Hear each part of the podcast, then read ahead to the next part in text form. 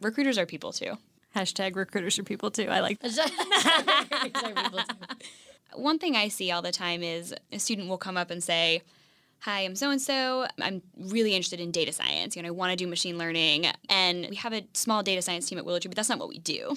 So when we say, oh, you know, unfortunately, we don't have those opportunities, we're looking for primarily XYZ, students almost immediately shift and say, oh that's awesome like i'll do that too. And on one hand sometimes they will right? They are they're interested in so many things. But on the other hand if you want to do something specific find that opportunity. Like you don't need to mold your experience and your hopes to fit what my company has to offer. It's perfectly okay to say oh thank you so much for letting me know. I appreciate your time. And to walk away and to find that company that's going to have the opportunity that you're looking for. And you can still have a sticker. And you can still have a sticker in fact i want you to still take a sticker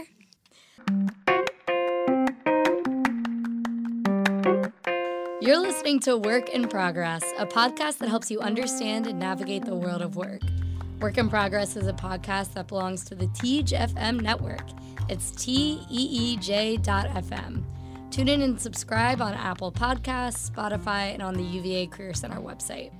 For more resources, follow the UVA Career Center on Facebook and Instagram. I'm your host, Jesse, and I'm a career peer educator and a UVA student. And I'm your host, Kate, and I'm a career counselor at the UVA Career Center. This week on Work in Progress, we go undercover at a Career Center event to help you prepare for a career fair. But first, we're going to get to know one of the people on the other side of the table. So tell me who you are and where you work. So, my name is Jamie Wright, and I work actually here locally in town at Willow Tree, a software development company, uh, and I manage all of our university and student programs. Jamie is a college recruiter who attends career fairs all over the country. We're so glad she could join us to give us the inside scoop about what it's like to meet students at career fairs and what stands out in a good way and in a bad way. So let's start with the big question What are you looking for when students come talk to you at a career fair? Uh, we're looking for a lot of different things, but ultimately, at the end of the day, looking to connect a face and a story with a piece of paper. How do you want a student to approach you? Students sometimes can get really worked up in their elevator pitch. Right? This is who I am. This is my major. This is what I've done. And do you have internships? It's like 30 seconds and it's very quick. And I think it's almost more important to have just a, a natural conversation with someone. You know, a lot of times students come up and they might not even actually know what Willow Tree does. And that's totally fine, right? That's why we are at the career fair. It's helpful when someone walks up and says, Hey, this is who I am. Here's a, a, brief snippet about me. Can you tell me a little bit more about Willow Tree and what Willow Tree does? Or can you tell me about your role? What do you do at, at the company so they can help frame their conversations? It's helpful, I think, for students to know who they're talking to at the beginning, too. So they might be someone on the engineering team or the design team or the marketing team. It's nice to have that initial elevator pitch, but it should be a back and forth conversation you know, there's so much pressure. There's so much stress that students are under. They're worried about what they're wearing. They're worried about their 30 second elevator pitch. They're worried about the person in front of them and what they're saying and the person behind them and what they're going to say. So students should know we're not looking at what you're wearing. We're looking again to, to make that personal connection with a student and learn a little bit more about who they are. What advice do you have for first and second year students who might not see a lot of positions posted that they're eligible for? Go to see what's out there, right? To learn more about different opportunities and, and different companies that exist in, in your industry. And you're right. There are so many companies out there who are really looking specifically for third year students, or they're looking for specific things. Maybe it's classes, maybe it's level of experience, whatever it may be. But there are also a lot of companies out there who don't have those requirements. Go to learn a little bit more about companies who do have opportunities for people maybe who don't have as much experience on the flip side of that, right, you you may talk to a company who has one of those harder rules about about qualifications and it is a great opportunity to figure out exactly what that company is looking for. So, okay, I might not be qualified as a candidate this year, but I'm going to talk to a recruiter. They're going to tell me, make sure you focus on ABC, maybe try XYZ over the course of the next year and come back and talk to us next fall. And I cannot tell you how many times we've been to a career fair, we've given advice to a student, and they've come back the next year and they say, Hey, we talked to one of your recruiters last year. They told me to, to look into this. I ended up working on this side project. I built an Android application, and then boom, that's someone we want to talk to because not only have they demonstrated interest in the work that we do, but they took our advice and is really motivated. How should students follow up with you after the fair? A good rule of thumb is to always try to put some sort of identifying factor in that email. So Hi, Jamie. You know, my name is XYZ. You, we spoke at UVA at the career fair. We spoke at the tabling session. We spoke at wherever it was. I was super interested to hear this thing you said about the company, and it reminded me of this experience that I've had. I'm very excited. I went ahead and applied, and I look forward to hearing back from you. I mean, sometimes you're going to connect about things that are not Willow Tree related, right? I've had really, really funny conversations about, you know, TV shows and pop culture and things like that. And it's okay to, to reference those things too. I mean, match the tone of the recruiter that you meet, right? But hey, Jamie, it was so great to talk to you, you know, about both Willow Tree and, you know, XYZ TV show that we both love. And then, you know, follow the same, same pattern those sort of emails go immediately into a candidate's file. So, you know, inevitably when we're going through and we're reviewing applications, it helps to, to jog our memory. Oh, we met this student on campus and, and I remember that conversation. And oh, I really was interested in what this candidate had to say.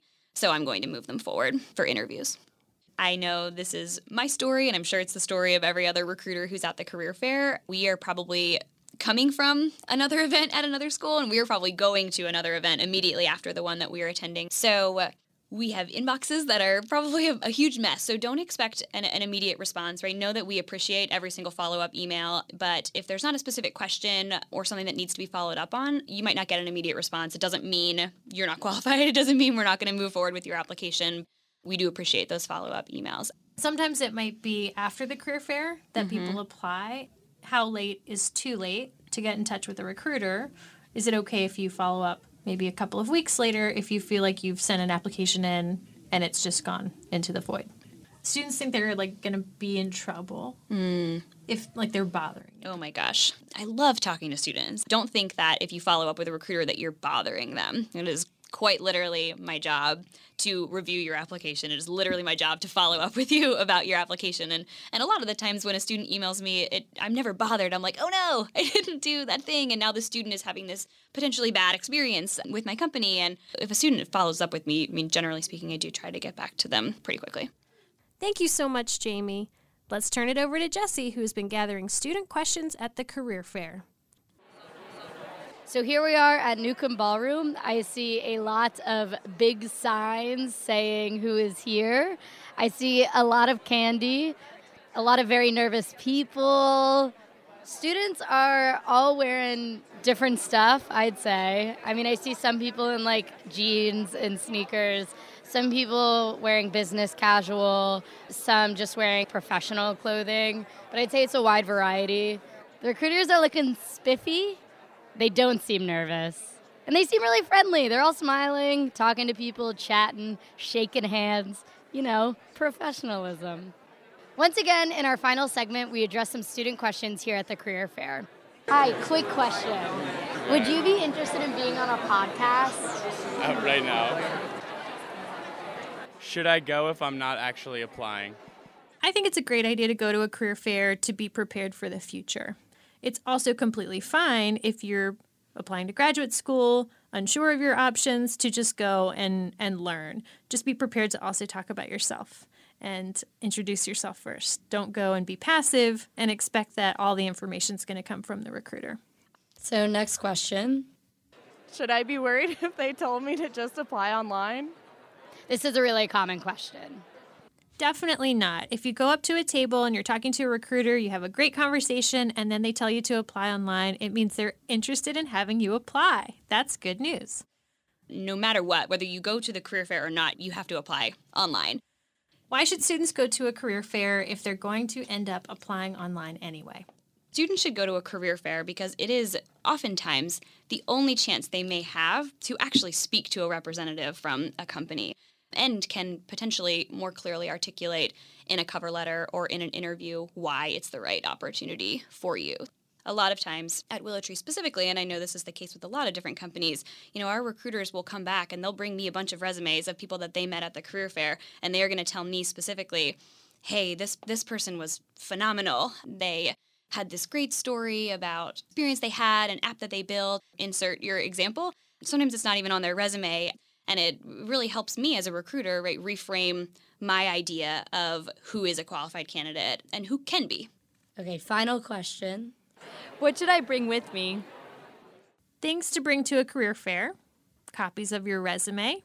10 or 15 would be good, just depending on who you plan to talk to. Bring your resume because it's a talking point and it helps you have a conversation. But be prepared for the fact that when you give someone your resume, after your conversation, they may give it back and say, Thanks for coming up to our table. Please go apply online. So it's more for the conversation you're having in person. Bring a pen. Good Make call. sure you can write down information. Bring a bag or something that you can put business cards in because that's a really great thing to ask someone for after you chat with them. Your bag can also be used for swag. Well, thank you so much, Kate, for providing me the emotional support and also the professional support at the career fair. I feel a lot more comfortable going up to recruiters and chatting. They're people too. So thank you for that. Hashtag recruiters are people too. I like that. This is super fun. Can you do all of these? Come back. come back. Thank you all so much for tuning in. If you have more questions, please come see us in the Career Center.